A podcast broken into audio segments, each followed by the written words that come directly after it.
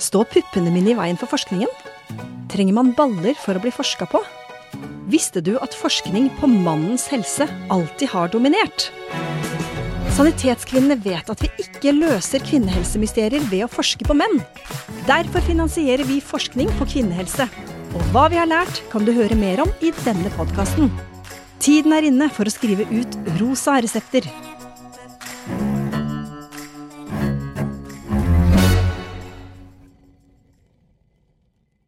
I dag skal vi snakke om lipødem i Rosa resept, og med oss i dag så har vi overlege og plastisk kirurg Hildur Skuladottir fra Haraldsplass sykehus i Bergen, og så har vi Maja Holmlund Brenden med oss.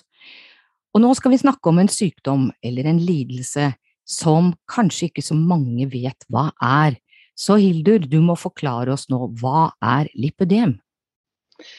Lipødem det er en eh, sykdom som eh, rammer nær utelukkende kvinner. Den kjennetegnes av eh, smertefulle fettansamlinger, som regel på beina og av og til også på armene. Og disse fettansamlingene, er det, er det sykt fett dette da, eller? Vi vet egentlig for lite om hva som kjennetegner dette fettet. For lipidem er jo en sykdom som har vært eh, forsket lite på. Det er gjort noen studier som antyder at ja, eh, det fettet er annerledes. Og når vi undersøker pasientene, så ser vi jo at det er ganske tydelig avgrensning fra der man ikke har vondt, og der det fettvevet er smertefullt. At når vi kjenner på det, så kjennes det annerledes ut. Så vi tenker at det er noe med det fettvevet. Men hva er forskjellen da egentlig på lymfødem og lipødem? Eh, lymfødem det er jo eh, en sykdom som forårsakes av en primær svikt, eller kan også være sekundær svikt i eh, lymfesystemet. Dvs. Si at lymfebanene ikke klarer å drenere vevsvæsken f.eks. fra bena og opp til så sentralt i kroppen. Da. Eh, mens lipødem det er først og fremst en, en fettvevssykdom. I noen tilfeller så kan, eh, hvis lipødemet blir veldig uttalt, så kan den transporten av lymfevæske sannsynligvis bli dårligere, sånn at man kan ha et eh, lymfødem sekundært til en stor eh, lipødemutvikling, eller altså en stor fettansamling da, på underekstremitetene.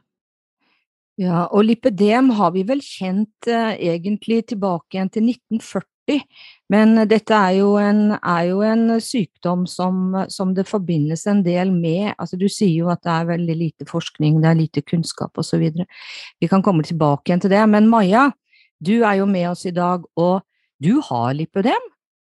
Jeg har lipødem, ja. Jeg er mest ramma i beina, jeg, da. Fortell hvordan det arter seg det, det starta jo allerede i, i tenåra, tidlig tenåra, med puberteten. Jeg begynte allerede da med smerter som jeg ikke klarte å beskrive helt. Og det gikk jo veldig utover uh, gym spesifikt på skolen. Jeg klarte jo ikke å løpe 3000 meter, f.eks. Det... Nei, hvem klarer det? det, gjorde, det gjorde veldig vondt, og jeg hadde ikke noe annen forklaring på det, liksom. Det, det, ble veldig vanskelig for meg å skulle forklare det for lærere hvorfor jeg ikke klarte det. Og det, det er en sånn greie som var med meg egentlig til jeg ble voksen.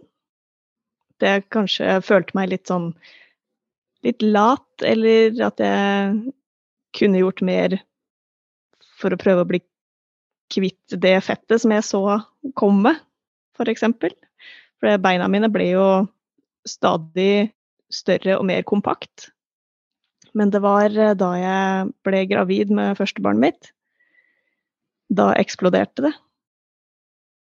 Og da ble det så ille til slutt at når det, jeg skulle gå tur med babyen min, så klarte jeg ikke det det gjorde så vondt, og jeg ble så sliten i beina at jeg måtte bare gi opp. Og da var det broren min faktisk som uh, sa at det her er jo ikke normalt. Du må undersøke det. Og da gjorde jeg jo som det min generasjon gjør. Jeg googla. Doktor Google? Doktor Google. Og da kom det jo opp ganske fort når jeg googla symptomene mine. Er det sånn at du på en måte har trodd at det var din feil, på en måte, eller at du liksom har vært tjukk, eller sånne type ting, eller? Ja, jeg har tenkt hele veien at jeg har vært lat eller spist for mye godteri, eller altså, ja. Så jeg fikk jo et veldig anstrengt forhold til mat veldig tidlig. Jeg sliter fortsatt med det. Klarer ikke å spise frokost, f.eks. Jeg har som regel bare ett eller to måltider per dag. Men fortell videre, fordi, fordi du, du, ble veldig mye dårligere når du ble gravid, da? Eller at du ja. est, este du ut, da, på en måte, i beina dine? Eh, ja, og så mm, ble det så veldig kompakt, så jeg slet litt med bevegelse, på en måte. Jeg kjente det veldig godt i knea. Knea mine har jeg hatt problemer med siden ja, tidlig i puberteten, da. Med at de har gått ut av ledd veldig ofte. Og det har jeg skjønt i ettertid er pga. lipødemet. Ja, og har, det er beina dine som har vært det som har vært problemet, da? Ja, det har vært beina. Og etter, eh, etter graviditet nummer to så har det kommet litt i armene.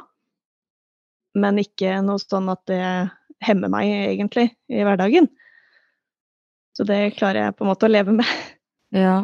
Men Hildur, eh, dette med at det er beina primært og kanskje armer, er det ingenting annet eh, i kroppen? Altså er det ikke midje, eller er det ikke liksom over, eh, overdelen, håper jeg å si, eller altså den øverste delen, blir ikke det affisert, det? Eh, nei, altså det som, som eh, kjennetegner lipødem, det er akkurat denne uproporsjonale ansamlingen av fettvev. da at veldig mange av pasientene har en slank eh, overkropp, slank midje, og så uproporsjonale fettansamlinger da på, på beina eller på armene. Kan man bli sånn på en måte Blir man lik hele tiden, eller er dette, er dette en sykdom som kan utvikle seg? Har den, har den ulike faser, f.eks.? Så det Maja beskriver, er jo helt typisk for de pasientene vi ser, at det er, debuterer i puberteten for de aller, aller fleste. Så vet jeg ikke hvordan det er i din familie, Maja, men veldig mange forteller at, de, at det er andre i familien som også har lipidem. De har mødre eller tanter eller bestemødre. Og som regel er det noen andre i familien som, som også har det. Sånn at vi mistenker jo at det er en, det er en arvelig komponent. Samtidig som vi ser at eh, sannsynligvis påvirkes det også av østrogen. Eh, I og med at det debuterer oftest i puberteten og gjerne blir verre da ved graviditeter og kan også bli påvirket av overgangsalderen. Så det, din historie er veldig lik andre sin historie med lipidem. Ja, hvordan er det, Maja? Har du hatt noen andre i familien som har uh, hatt dette?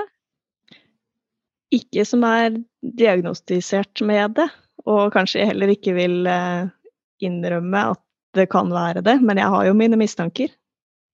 Fortell.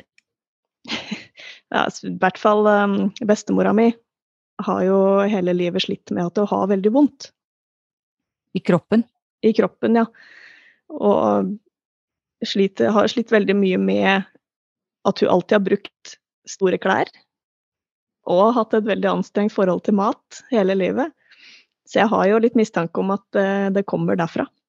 Og når du sier anstrengt forhold til mat, altså betyr det at dere liksom har trodd på dette med at dere har inntatt for mye mat, eller for gal mat, eller feil mat, eller altså at du blir så fokusert på mat, da, fordi du tror at mat har på en måte påvirkning på sykdommen?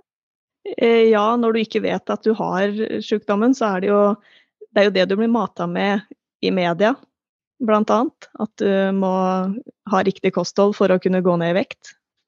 Ja, så dette her med vekt, det å gå ned i vekt, er en veldig sånn sterk eh, eh, drivkraft, da?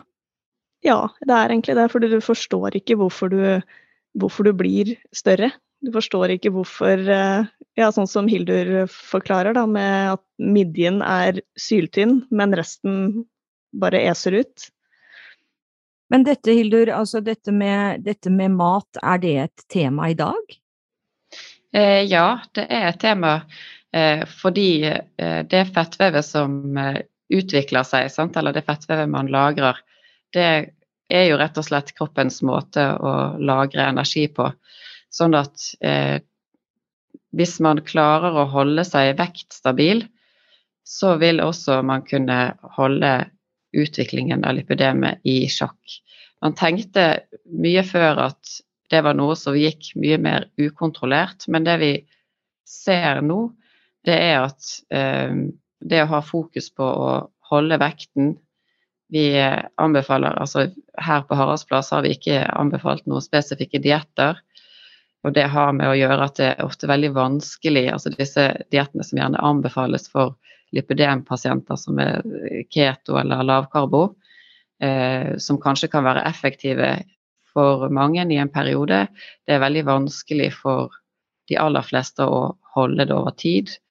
Eh, og når man da sprekker, så gjerne går man mer opp i vekt enn det man var i utgangspunktet. Men det å klare å, å holde seg eh, vektstabil, ha fokus på å ha et, eh, et eh, holdt på å si, normalt sunt kosthold, det er veldig viktig for, for alle, og også de med, med lipidem. Da.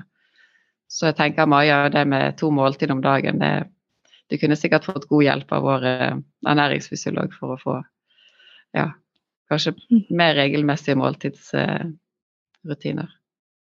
Ja, fortell litt om den, eh, det, det spisevanene du har da, Maja, i dag. Jeg starter jo alltid dagen med en eh, Red Bull for å få energi. En Red Bull, ja. da får jeg jo, ja, en Red Bull, for da får jeg den energien jeg har lært meg å trenge til å klare arbeidsdagen. Ja, for du er i jobb? Jeg er i jobb, ja. ja. Hva jobber du som? Jeg jobber som rådgiver i Nav. Ja. Mm. Jeg er eh, opprinnelig psykiatrisk sykepleier. Og så Red Bullen, og så er det lunsj, da? Ja, kanskje lunsj. Det kommer litt an på dagen. Hvis det er litt hektisk dag, så hopper jeg over lunsjen. Og da er det kun middag. Ja, og middag er vanlig, vanlig på en måte vanlig middag. Vanlig mat. Ja. ja det må jeg nesten på grunn av barna. Ja, ikke sant. Og dette ja. høres jo litt lite ut, Hildur, gjør det ikke det? Altså. Jo, og jeg tenker òg at eh, eh, å begynne dagen med noe annet enn Red Bull tror jeg ville absolutt anbefale. Og det å ha ja, eh, mer regelmessige måltid og Men det er jo Vi har jo mange flinke ernæringsfysiologer som kan gi råd eh, som er tilpasset på en måte den enkelte. Jeg tror det er mye mer riktig enn å sette folk på, på sånne allmenne slankekurer, for dette er veldig individuelt hva som på en måte fungerer for den enkelte. Eh, men å snakke med noen som kan gi ja, en viss følelse av at man har kontroll på dette med kostholdet. For vi har hatt en del pasienter i, eh, i, den studien som vi nå har eh, her nasjonalt, som forteller at dette med mat har jo ofte vært et problem da hele livet. Å kunne snakke med noen som kan sette seg litt inn i hvordan en selv spiser, hvilket liv man har, og få råd deretter, gir en opplevelse av at man har en viss kontroll da, på dette med vekten som, som tror jeg oppleves som veldig, ja, en veldig stor lettelse. Og dette er en veldig stor bekymring for de aller fleste med lipidem, dette med vekten. Veldig redd for å miste kontroll og at vekten bare skyter oppover. Men Maja, da du fikk barn nummer to, hadde du da begynt å på en måte forstå at du har eh, lipidem, eller? Ja, jeg, etter svangerskap én, så etter jeg hadde snakka med doktor Google, så fant jeg jo ut på egen hånd da at det var jo det her jeg hadde. Og da kontakta jeg fastlegen min, og hadde kanskje litt flaks med at fastlegen nå hadde hørt om det. Så han henviste meg videre til eh, Aker, til doktor Slagsvold der. Så jeg fikk eh, jeg fikk ikke diagnose, for det kunne jeg jo ikke sette. For det er jo ikke en diagnose sånn sett i, i Norge. Så han eh, skrev i epikrisen min at jeg hadde lipødem-tendenser. Men det var da nok til at uh, jeg tenkte at må jeg, da må jeg gjøre noe. Så da kontakta jeg en kirurg i Tyskland. Så jeg har vært i Tyskland og operert. Operert deg. Mm. Eh, Men det, eh, vi skal komme litt tilbake igjen til det i forhold til hvilke typer behandlinger som, som eh, finnes, da. Men dette med at det er en sykdom, og som ikke er klassifisert som en sykdom, Hildur. Altså dette er jo ikke en del av det, det vi kaller ICD-10, eller Verdens helseorganisasjon sin klassifikasjonssystem for sykdommer. Eh, og både du og jeg satt jo i et panel på Arendalsuka for et par eh, år siden hvor, hvor arrangementet het 'Du har kommet til en diagnose som ikke er i bruk'. Og hvilken konsekvens har egentlig dette for, eh, for selve sykdommen at den ikke er klassifisert? Det har eh, veldig store konsekvenser, fordi eh, pasientene har jo da ikke en eh, formell rett til helsehjelp når du ikke har en diagnose som holdt jeg på å si finnes. Den finnes jo i ICD-11-diagnosesystemet. sant? Sånn at når det, det blir tatt i bruk, så vil jo det være en diagnose vi kan bruke. Men rettigheter er ofte knyttet til eh, diagnoser. Og vi har jo heller ingen da oversikt over forekomst, fordi at man får ikke satt riktig diagnose.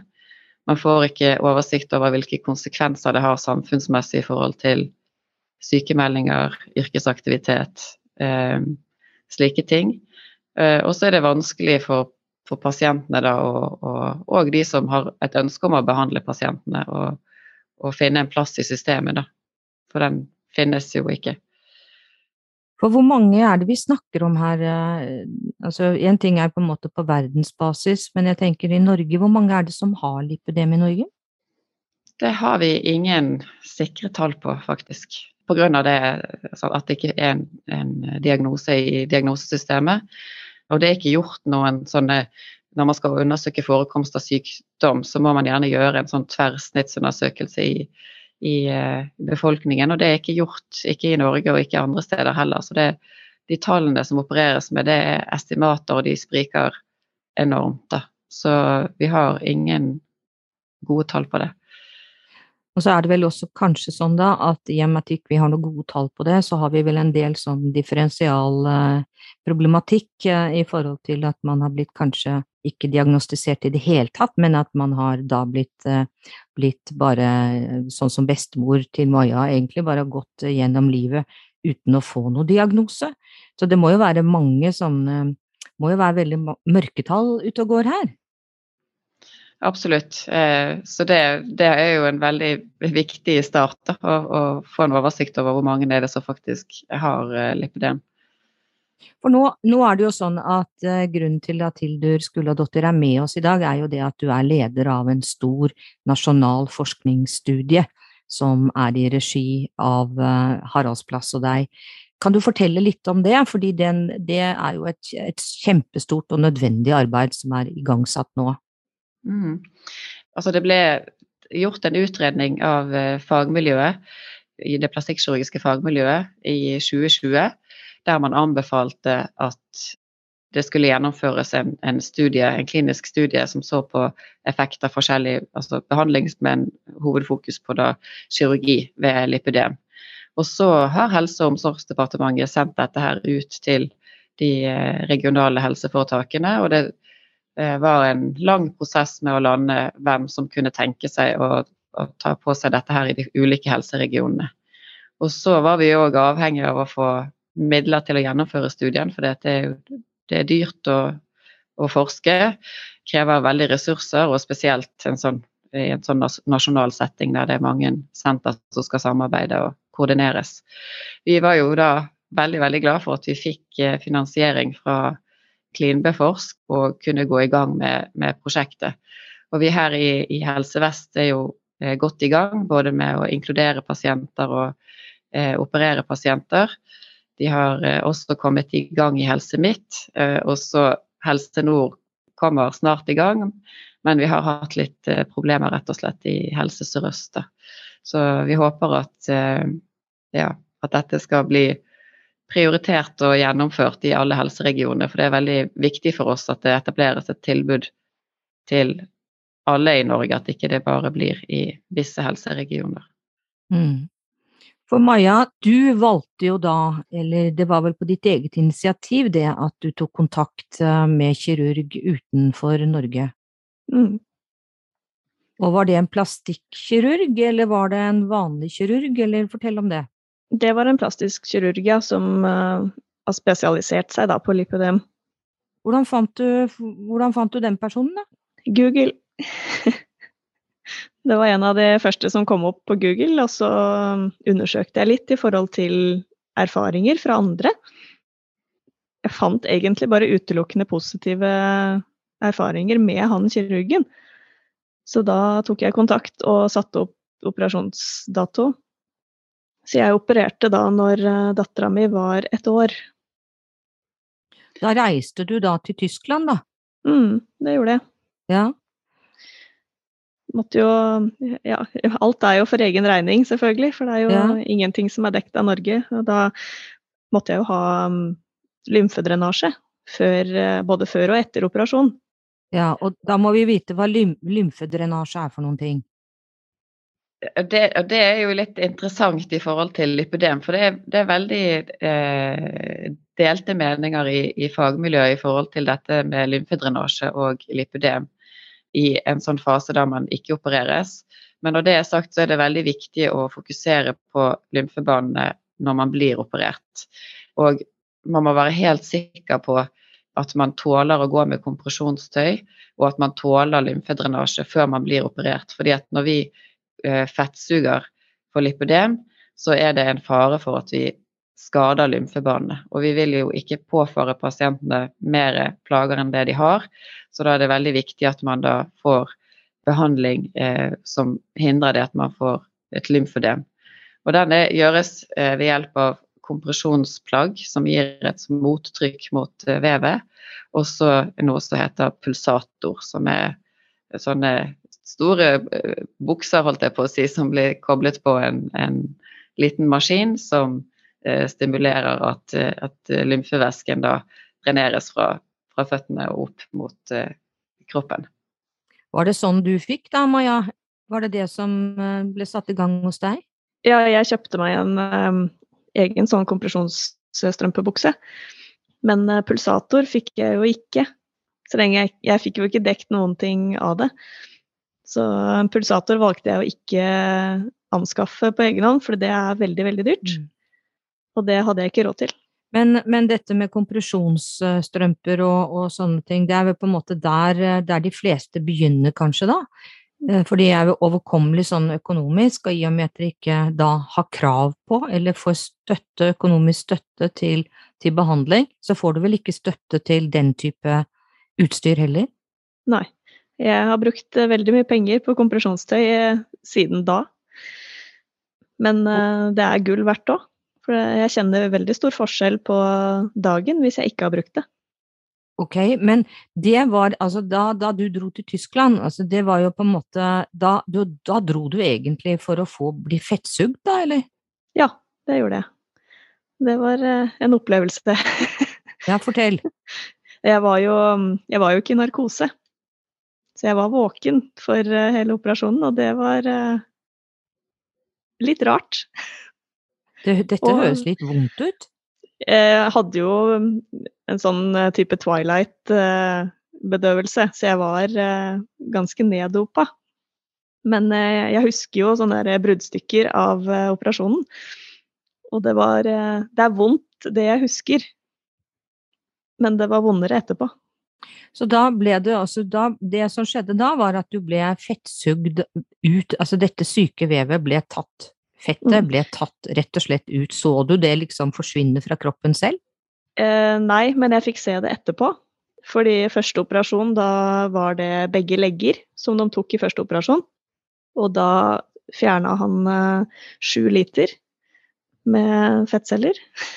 Sju liter fett. Sju liter bare fra leggene mine. Høres, dette høres veldig mye ut, eh, Hildur. Er det, er det vanlig, det? Eh, Det er syv liter, det er mye.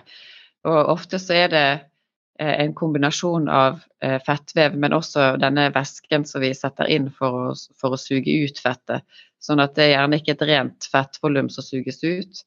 og syv liter Det er jo veldig ulikt hvordan det praktiseres, men da er man jo på en grense at det kan, det kan være Du må være frisk for å tåle det, for å si det sånn. For det kan gjøre at de elektrolyttene, altså de saltene vi har i kroppen, når vi setter inn og suger ut så mye væske, så kan det forstyrres. Og I tillegg så er det lokalbedøvelse i den væsken vi setter inn. og Når man setter, skal ha ut så mye, så blir de dosene Da er man fort oppi noe som nærmer seg toksiske doser. Da. Så vi er jo veldig opptatt av dette her med sikkerhet eh, etter operasjonene og, og observere pasientene, de som opereres i studien i alle fall. Men det mm. har jo vært ulik praksis. da Jeg vet jo at i det private så er det jo mange som, eh, som reiser hjem eller ja, ikke overnatter der de blir behandlet. Da. Og det ville ikke jeg helt turt selv, da, for å si det sånn. Nei. Maja, hva gjorde du? Jeg overnatta på klinikken eh, begge operasjoner. Du sier at du har to operasjoner. altså Den første operasjonen handlet da om å ta ut, eh, ta ut fra leggene. Mm. Og nummer to var eh, lår og litt på rumpe. Det var ikke så ille som eh, første operasjon. Jeg syns kanskje at legga var eh, mye verre. I hvert fall i etterkant, fordi det var veldig mye væske igjen i, i beina mine. Som da skulle ut et sted, og det havna i føttene. Så det sprengte noe helt voldsomt. Så det var, det var vondt da du fjernet da på operasjon to, så, så, tok det altså da fra, fra, rumpa og fra lår og sånn, da? Mm. Ja. Og det, det, gikk egentlig overraskende greit, og det har jeg hørt flere si òg, som har operert, at det er ikke så ille på lår og rumpe. Nei, Hildur, eh, hva gjør dere nå på, på Haraldsplass? Det er helt uh, riktig, som, eller vi ser det med, som Maja sier, at uh, at det leggene det er nok eh, mer smertefullt. Og, og, det har jo litt med anatomien å gjøre også. Sant? Man er tettere ned på, på, muskulatur, og det er jo også fare for at man kan ja, skade øvrig anatomi. Sant? Og med drenasjen er også mer krevende på leggene enn på, på lår og sete. Men eh, Maja, jeg lurte på én ting. Fikk du hjelp av fysioterapeut når du kom tilbake til Norge? Eh, bare til lymfedrenasje. Det var ikke noe annet vi gjorde, egentlig. Men hun mm. klarte å få funnet fram noen gamle kompresjonstøy som jeg hadde liggende, som jeg fikk. Så jeg sparte litt av penger der, ettersom det var eh, stor forskjell på hvordan jeg så ut før operasjonen og etter. Men når gjorde du dette da, Maja? Når var det du reiste til Tyskland og ble operert? Det var i 2019. Ja. Første operasjon i februar og andre i mai. Akkurat. Dette må jo være en big business egentlig for private eh, plastikkirurger, dette, Hildur? Ja, eh, det stemmer. Eh, og eh, det er jo kostbart for eh, pasientene å betale. Da jeg vet at eh, mange av de som har gått privat, har jo betalt ja, flere hundre tusen for sin behandling. Så det er absolutt en god business for de private. og jeg tenker at det er det er ja, virkelig på tide at vi, vi ser på det eh, i det offentlige. Mm. Mm. For Maja, du har brukt masse penger. Har du lyst til å fortelle oss hvor mye du har brukt? 150 000. For operasjonen? For eh, begge operasjonene og kompresjonstøy ja. attåt. Ja. Og dette er ting da fra egen Dette er dine egne sparepenger, for å si det sånn? Eh, jeg fikk låne av bestemor. Ja, ikke sant. Altså bestemor ja. som var det, var det, bestemor som kanskje har hatt det selv, var det det? Ja. ja. Så hun hadde litt eh, penger liggende, så da fikk jeg låne det, og betaler tilbake, selvfølgelig. Men uh, det gjorde det veldig godt, ellers hadde jeg måttet ta lån. Mm. Dette høres jo egentlig Det er jo forferdelig at, eh, at, pasienter skal måtte på en måte bli drevet så, så, langt, da, i forhold til at det ikke finnes noe alternativ. Eh, som du sier, at du startet med kompresjonsutstyr, og at det har hjulpet noe, men, men det at man blir drevet så langt at man må, må reise og, og, bli operert, så er jo klart at det eh, i dag med denne studien i, eh, i offentlig regi, hvor mange, altså alle med lipødem i Norge, blir de inkludert i den studien da? Hildur? Nei, eh, og det er jo sånn med kliniske studier, så, så, og spesielt når vi ser på dette med fettsuging, fordi selv om mange pasienter har gjort det, og mange private klinikker rapporterer at det er god effekt av det, så er det ikke gjennomført eh, eh det som kalles randomiserte, kontrollerte studier på det. Og det er gullstandarden for å vurdere eh, effekten av en behandling. Så alle de studiene som eh, foreligger nå, de går jo det er jo det eh, private aktører som har også økonomiske interesser av å drive med behandlingen, som beskriver da gjerne med bruk av, av egendefinerte endepunkt hvordan pasienten har effekt av behandlingen. Og det, jo, det jo betyr ikke at det ikke er riktig det de beskriver, men sånn, måten det gjøres på, det er, gjør det vanskelig for de norske helsemyndighetene å, på en måte ta det helt for altså, god fisk, da, sant? fordi at man må gjøre det på en veldig sånn objektiv måte for å vurdere det. Og Samtidig så, så har vi jo òg sett i det offentlige komplikasjonene. Eh, for det er det. det er Solskinnshistoriene de kommer ut i media, men komplikasjonene de kommer inn på sykehusene. Og de pasientene som har komplikasjoner, vil sjelden stå fram med det i media. Så det er ikke risikofritt å gjennomgå en sånn type operasjon. Og da stilles det også ganske strenge krav til eh, hvem vi kan utsette for en sånn type risiko i en, en studiesetting. For hvis vi får eh, alvorlige komplikasjoner eller alvorlige hendelser i en sånn studie på en type sykdom der eh, man ikke har en, en forventet kortere levetid pga. sykdommen, så får man alvorlige komplikasjoner, så, så må man gjerne stenge ned slike studier. Og da blir det jo ikke et tilbud til til alle. Så vi, må, vi tilbyr altså, pasienter som er relativt Altså de må være friske eh, og, og ha lav risiko knyttet til operasjonen. Og så når man designer disse studiene, det er jo et veldig langt svar dette her, men eh, så må man eh, se på hvor mange pasienter som er nødvendig å inkludere for at man skal se den effekten man er ute etter. Og det heter styrkeberegning. Da. Så vi har gjort en styrkeberegning på studien som tilsier at vi må inkludere 220 pasienter. Og da er det sånn at man det er det antallet man skal inkludere. Man skal ikke inkludere for mange, for hvis det potensielt viser seg å være risiko som er for høy, så utsetter man da unødvendig mange for den risikoen. Så det, det er eh, faste og ganske strenge rammer rundt eh, forskning på, på, mennesker, som vi også må forholde oss til i denne studien. Er det, er det utelukkende kvinner som er inkludert i studien? Ja, det er det. Kan ikke menn få lipodem? Det er beskrevet så sjeldent eh, i litteraturen at det vil være så, så, stort unntak fra på en måte det som er alminnelig, eh, at eh, i denne studien så, så, må vi på en måte se på, på utelukkende på kvinner. Da. Det er altså helt unntaksvis beskrevet hos menn. Men det, det som dere gjør da, dere, dere undersøker da om faktisk fettsuging hjelper, da? Ja. Vi gjør jo faktisk eh, litt mer enn det. Eh, fordi vi ser at det er veldig viktig, dette jeg var inne på med kosthold, i med at veldig mange strever med det. Så må alle pasientene som inkluderes i studien gå gjennom en seks måneders periode som er altså ikke-kirurgisk behandling eller konservativ behandling, som vi kaller det. Og Da får man veiledning av klinisk ernæringsfysiolog og så får man oppfølging av fysioterapeuten, og fysioterapeuten er veldig veldig viktige eh, i behandlingen av eh, lipødem. Pasientene får tilpasset kompresjonstøy. Og mye av fordelene med kompresjonstøy er at det gjør det lettere og mindre smertefullt å være aktiv. Eh, for aktivitet, fysisk aktivitet er også noe som er veldig viktig, for det bedrer sirkulasjonen i bena. Og selv om det er smertefullt, eh, kan være smertefullt når man trener, og for mange er det veldig smertefullt å løpe, da trenger man ikke å løpe. Finne en aktivitet som man liker og trives med å holde på, på med, og så gjerne eh, øke aktivitetsnivået. For lipidempasienter så er det spesielt gunstig f.eks. å drive med bassengtrening.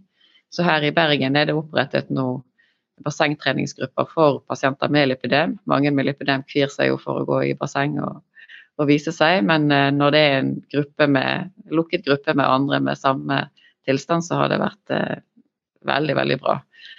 Og styrketreningsgrupper for, for kvinner med lipidem. Så du, de seks månedene, sant? da får man en sånn eh, det vi ser for oss, da, at man skal få på en måte de verktøyene som skal til for at man skal være vektstabil, at man skal ha, eh, komme opp i aktivitet, at man skal kunne være bedre rustet da, til å takle eh, operasjonen og den, resten av livet etter operasjonen, da, for å si det sånn.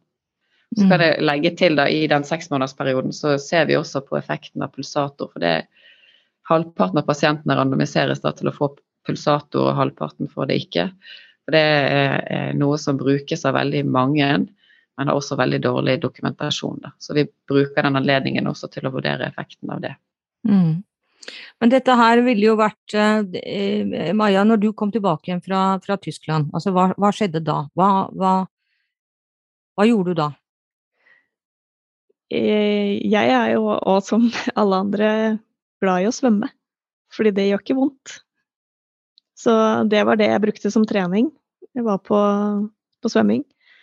Og um, var jo hos fysioterapeut for å ha lymfedrenasje i seks uker etter operasjon, begge ganger.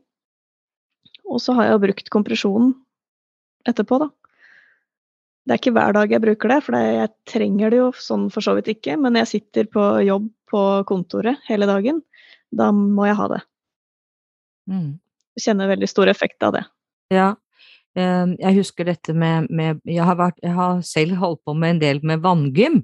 Og jeg husker en, en erfaring som jeg fikk, eh, og det, dette er jo noe med at det var mest sannsynlig lipødem mor og datter jeg traff i bassenget, men tenkte jo aldri den gangen at dette her var noe som var sykt, på en måte. Eh, det var bare det at du ble liksom, du så, så noen som hadde en uproporsjonell kropp, jeg tenker på det med kunnskap, altså kunnskap rundt lipødem må jo være veldig manglende kunnskap blant folk? Absolutt. Eh, og så ser vi òg at jeg tror det er veldig mange, sånn som du sier, Elisabeth, som kan kjenne igjen og huske at man har eh, eh, Ja, man vet om noen som, som, har det, da, for å si det sånn. Så vi ser jo det at når vi publiserer saker, eller når vi, vi driver med informasjonsarbeid knyttet til lipidem, så er det veldig stor interesse for det. Jeg tror det er mange kvinner som på en måte kan eh, ja, kjenne seg igjen, da. Ja. Men det er fortsatt ikke slik at det undervises for uh, medisinstudenter eller helsepersonell i noe særlig grad.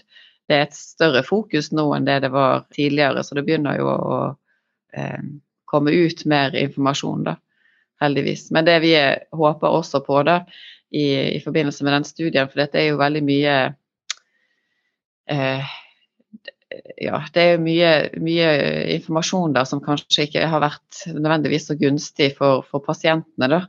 F.eks. Eh, så ser vi det at mange tidligere, når man da ga diagnosen, sant, så, så og, og, ser at altså Dette er jo ikke noe som er noens feil. Sant? Dette er jo en sykdom, og, og, det er jo ikke noe man velger seg. Og ingen velger seg jo lipødem hvis man skal velge seg en sykdom heller. Da. Men eh, at, man, at, det ikke er noen ting å gjøre med det. Eh, at det ikke nytter å trene, at det ikke nytter å ha noe fokus på kostholdet. Og det har jo da dessverre for, for noen ført til at man blir eh, veldig inaktiv, og at man har gitt helt opp sånt, dette med kostholdet. Og det igjen da fører til at, eh, at man eh, gjerne da går opp i vekt og eh, får dårligere helse da, pga. inaktivitet. Så dette med å, å, å lære seg å, å ta litt eh, kontroll og se at det finnes, selv om ikke all trening fungerer, så finnes det trening som hjelper. Og for veldig mange så sier de det at det er vondt i starten, men at man får Altså man har en sånn enorm gevinst av det eh, med tiden, da. Mm. Så ja, eh, den informasjonsdelen har vi også veldig lyst til å komme ut med Og At man trenger ikke være nødvendigvis eh, veldig redd for at sykdommen bare skal eskalere uten at man selv faktisk kan ta en viss kontroll over det. Så jeg tror det å kunne ta tak i det tidlig, at de som kan få diagnosen tidlig, sånn at man kan på en måte lære seg disse tingene. Sant? Få gode råd fra fysioterapeuter som kan lipidem, fra gode råd fra næringsfysiologer som er flinke, så kan man uh, unngå å havne i en situasjon, en fortvilende situasjon som kanskje mange er i i dag. Da. Så eh, hvordan, hvordan, lever du nå da, Maja? Det er jo noen år siden du gjorde dette. Eh, Du er på jobb, og du, og du har et ålreit liv, eller hvordan er dette? Jeg har det egentlig, bortsett fra det anstrengte forholdet til mat, da. Men uh, ellers så har jeg det egentlig ganske greit, altså. Klarer nå å være på trening, f.eks. Og det klarte jeg jo ikke før jeg opererte. Men nå, nå går det greit. Vi har hatt en masterstudent eh, i eh, sekretariatet her i, i Norske kvinners sanitetsforening som har undersøkt eh, Hun har spurt 15 med lipødem om hvordan det er å leve med, med sykdommen. Og det som mange har meldt tilbake, er da denne opplevelsen av at dette er skam, og, og du har følt på andre negative tanker som trodd det er din egen feil, og alle disse og følt seg stigmatisert og sånn. Er er det en del av, av, din hverdag? Har det vært? Ik ikke nå. Det var, ja. Jeg fikk jo et veldig dårlig selvbilde av hele, hele greia. Og det gikk jo på psyken til slutt. Ja, det er jo klart, når, det, når du sliter sånn litt med, med både maten og selvbildet og hele tida tenker at det er din egen feil. Og sånn som eh, for meg, da, som da har den sykepleiebakgrunnen min, jeg vet i teorien hva jeg må gjøre, men det er veldig vanskelig å gjøre det i praksis når du sitter med sykdommen sjøl. Kjenner du flere som har lipødem? Ikke som er diagnostisert, nei. Men jeg har jo noen mistanker sånn innimellom. Mm. Men da Men sier jeg det òg. Det finnes jo nå en pasientorganisasjon for, eh, for disse, uh, disse, pasientene. Uh, og det jo det å stå sammen og det å på en måte kjenne på at du er ikke alene i verden, har jo en effekt. Ja, vi har jo noen, uh, noen Facebook-grupper. Det er jo i hvert fall tre av dem i, i Norge en for alle, og en for de som er operert, og en for de som skal operere, men ikke vet helt hvordan det skal gå fram. Og så er det en eh, global Facebook-gruppe hvor det deles veldig mye fra andre i mm. hele verden, egentlig. Har du lurt på, du lurt på hvorfor, eh, hvorfor, du har fått dette? Nei, egentlig ikke. Jeg har forsona meg med at det er eh, hormonelt og genetisk, rett og slett. Mm. For det er Altså, årsakene vet vi jo ikke så veldig mye om, da, Hildur? Nei, og eh, det vi ser nå i studien, for vi får jo eh, sett på effekten av behandling, men det er veldig frustrerende å ikke helt eh, kunne forstå eh, årsaker eller sykdomsmekanismer. Så det vi har veldig lyst til å gjøre, da, er å, å å, se litt nærmere på det fettvevet som vi nå faktisk tar ut hos lipidempasienter i studien. Men der igjen, da, eh, er vi avhengig av finansiering, for det vi må kunne lagre dette vevet i biobank, og vi må kunne eh, finansiere analyser og sånt. Så ja, vi håper at det fortsatt er et fokus på de enorme kunnskapshullene som er rundt denne diagnosen. Da. At, at vi kan klare å få noen som har lyst til å til å hjelpe oss å finne ut av dette. Ja, for her trenger vi vel grunnforskning, for å si det sånn? Altså, ja, helt nødvendig. Helt nødvendig, ja. Og det er ikke gjort i, i internasjonal sammenheng heller? I veldig liten grad. Altså, jeg har snakket med andre forskere i Europa og er med i et uh, nettverk av forskere som interesserer seg for uh, lipødem, og det blir jo heldigvis uh, flere. Så vi har muligheter for å samarbeide i forhold til hvilke typer analyser som er fornuftig å gjøre. Og sånt. Og det er sett på fettvev hos eh, ja, noen pasienter, og der man har eh, funn som man kan gå videre med. Da. Men det er gjort i veldig liten skala. Er dette, er dette sånn typisk som eh, veldig mange andre kvinnelige sykdommer og lidelser eh, som, som, på en måte Dette er jo én, gruppe uh, med, med, sykdom som som har blitt, kanskje blitt misforstått og, og, har måttet leve med det i, i, sitt liv uten å skjønne hvorfor og uten å, å, ha noe tilbud og på en måte lete seg frem i denne verden med kompresjonsutstyr og prøve selv og på en måte Når man har fått en egen bevissthet da, i, i, at man har trodd at, man, at dette ikke er normalt. Eh, men dette, det er jo mange sånne sykdommer nå som kommer frem. ikke sant? Altså, folk snakker om, eller kvinner møter, setter ansikt på sykdommer. ikke sant? Og dette her er én av veldig, veldig mange som lider under dette. Både kunnskapsmangelen, forskningsmangelen. Og det er jo, det er jo store utfordringer altså på kvinnehelseområdet, da. Og dette er jo en av dem, for å si det sånn. Og det er klart at det er viktig det som gjøres nå i den nasjonale sammenhengen i offentlige Norge, for dette vil jo da kunne være et tilbud som mange kan få da, inn i fremtiden.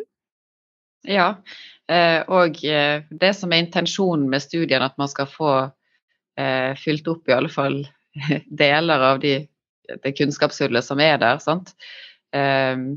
Men det er jo helt klart nødvendig å se på mer, for vi får jo bare dekket en liten del av det sant? Eh, i denne studien, som går helt konkret på, på behandlingsmuligheter. Og, og, det å forstå årsak til sykdom er jo, er jo, essensielt også for å kunne gi god behandling. Da. Så selv om vi kan si noe ut ifra fra denne studien, så er det helt klart nødvendig å, å gjøre mer.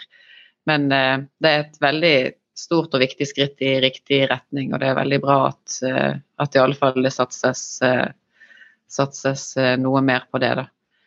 Men opplever du nå da en strøm av pasienter som ønsker å være med i studiene, og blir, du, blir, du, blir dere kontaktet av, av kvinner her som, som føler at de må bli inkludert?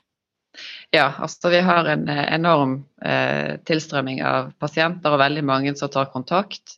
Og der er jo den beste måten å, å, å, å få en henvisning fra fastlegen.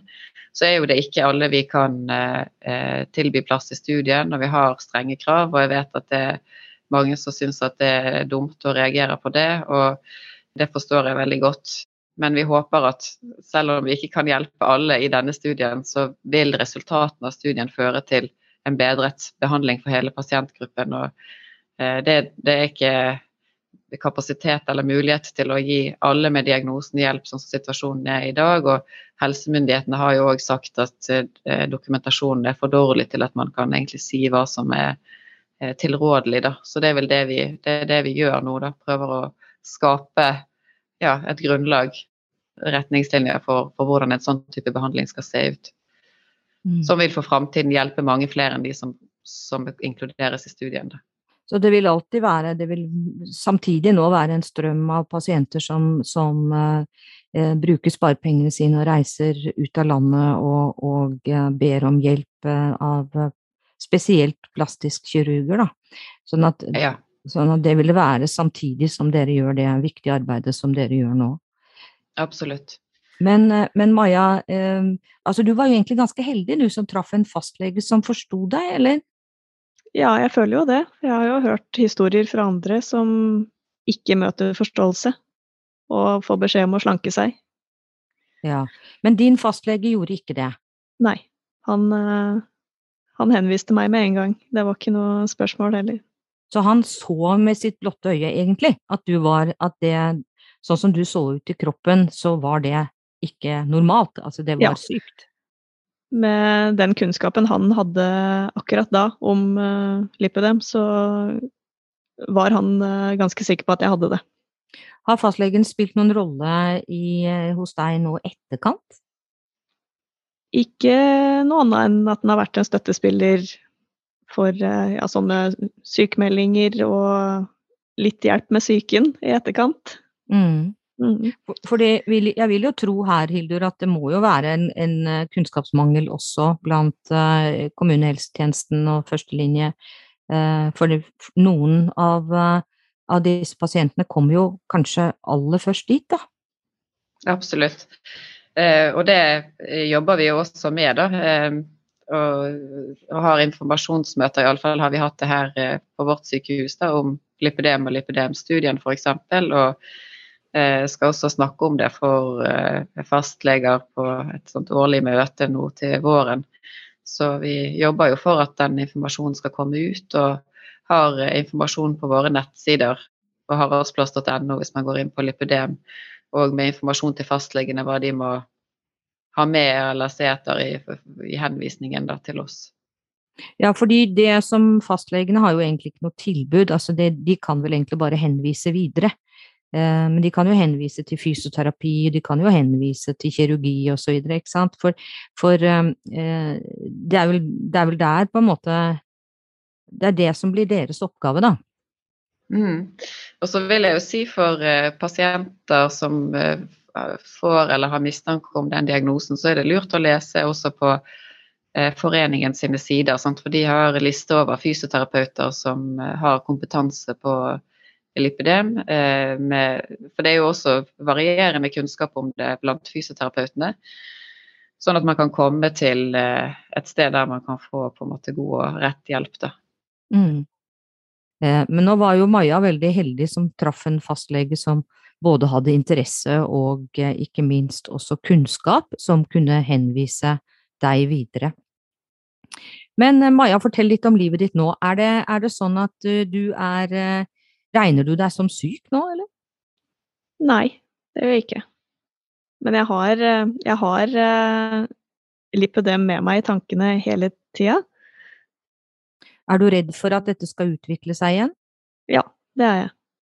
Jeg var eh, veldig redd eh, med siste svangerskap. Så jeg var faktisk i tvil på forhånd om jeg hadde lyst på et barn til eller ikke. Jeg orka ikke å gå gjennom eh, samme runde en gang til.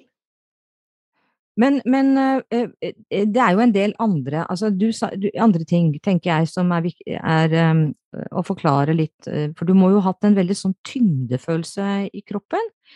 Og det med at du ikke har klart disse fysiske tingene. Men dette må jo også være smertefullt, er det ikke det? Jo, det er veldig smertefullt. Det er, du kan nesten beskrive det som at du konstant har melkesyre. Det er egentlig den beste måten å forklare det på. At uh, det er bare en sånn ulming i, i beina hele tida. Får man, får man, ro, da? Får du sovet og sånn? Eh, nei, har, det sliter jeg litt med enda, at jeg har sånne urolige bein, så jeg tar magnesium for det. Og det hjelper til en viss grad, men det var helt ekstremt før jeg opererte. Da slet jeg veldig med søvnen, for jeg klarte ikke å roe ned beina mine.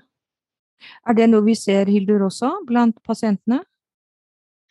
Eh, ja, eh, absolutt. Eh, men så er det jo også disse helt sånn konkrete smertene fra fettvevet som er ganske eh, karakteristisk da, for eh, lipidem.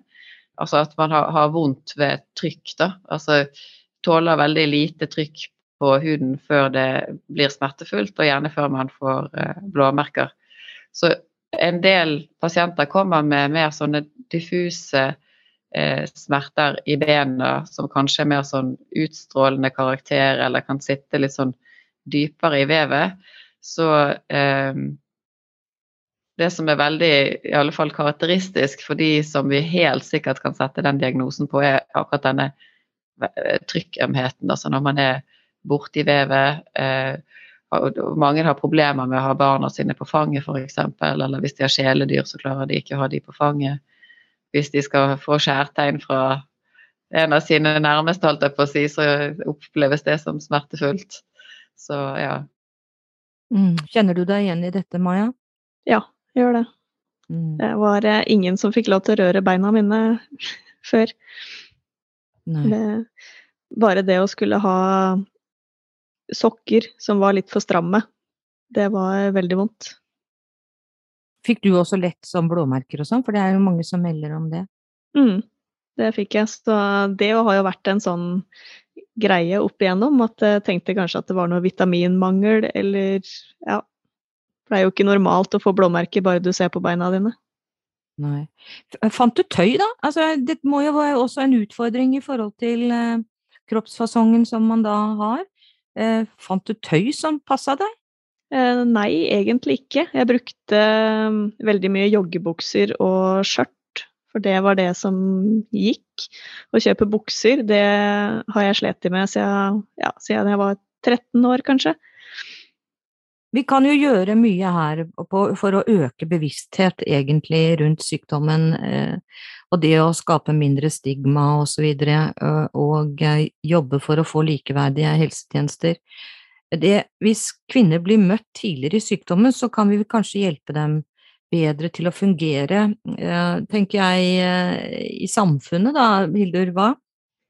Absolutt.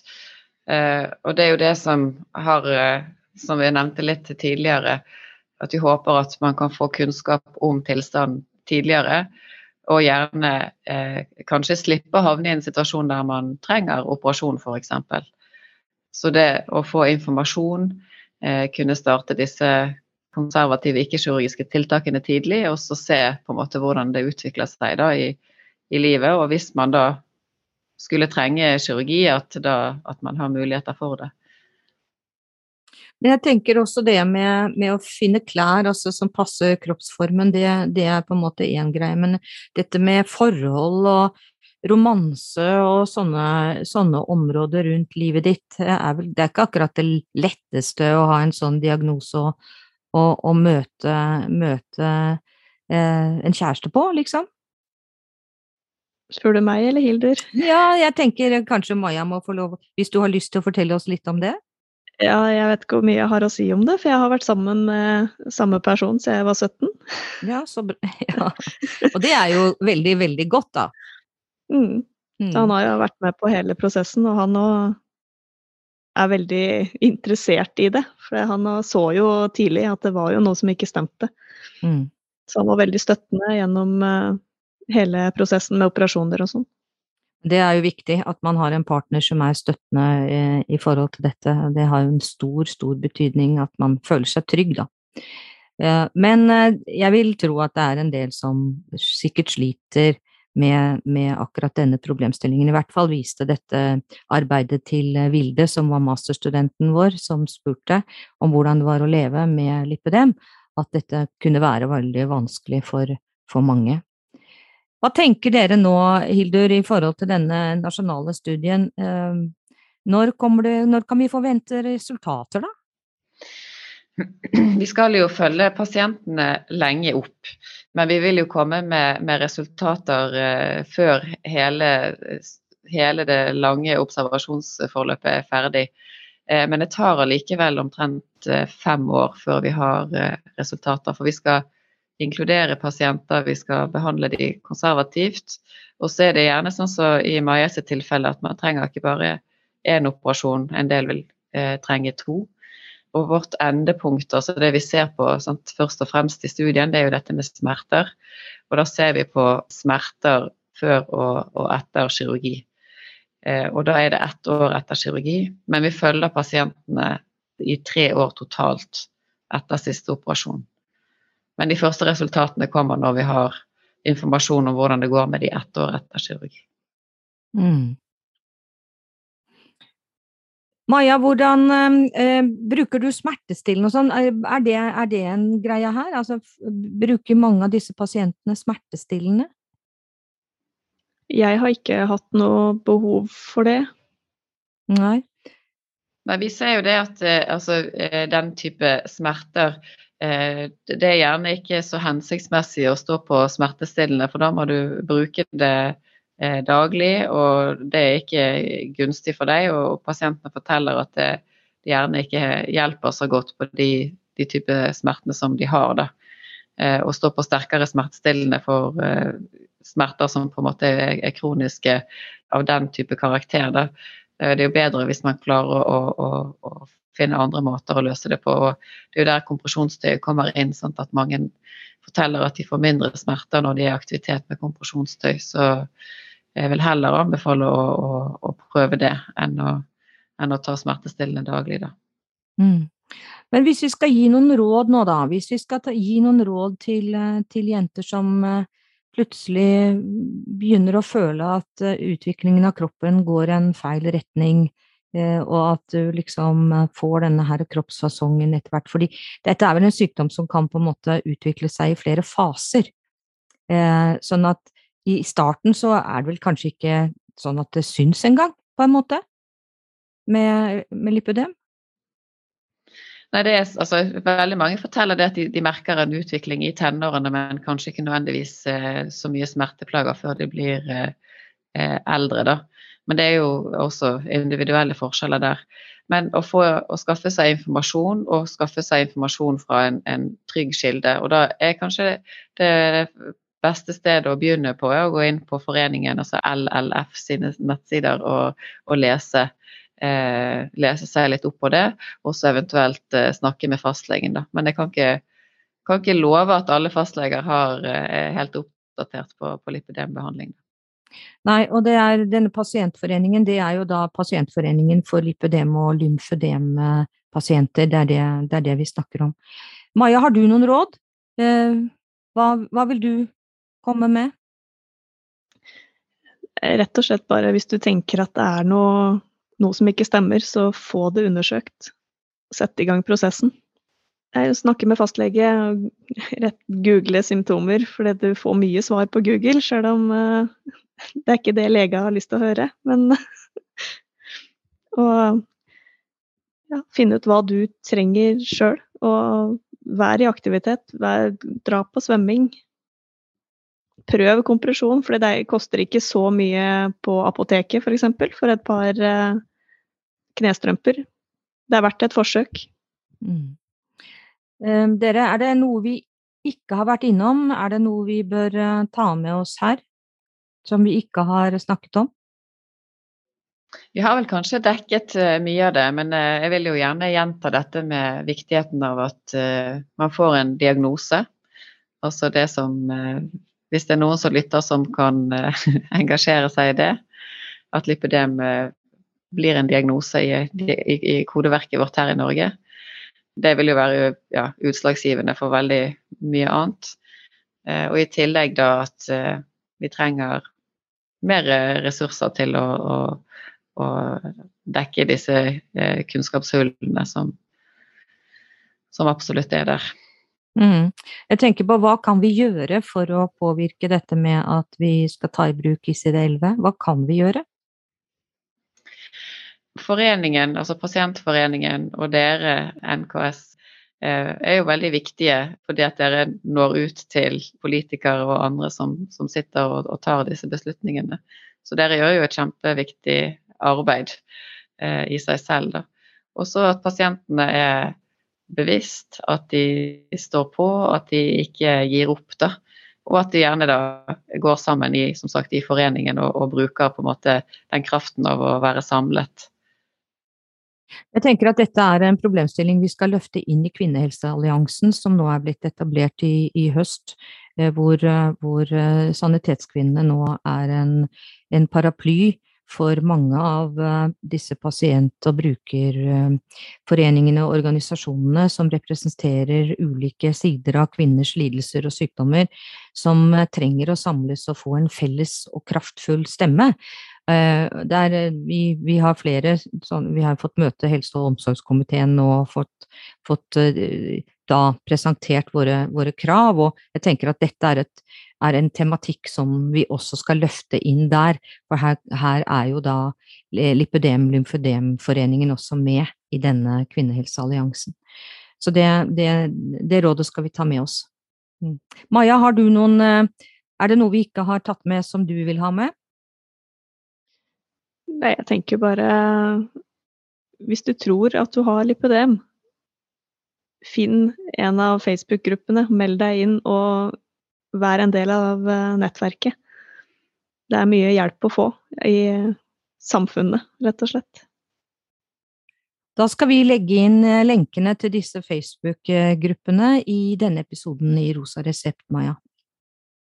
Jeg eh, håper jo at vi får eh, fortgang i, eh, i, behandling og offentlig tilbud for denne gruppen.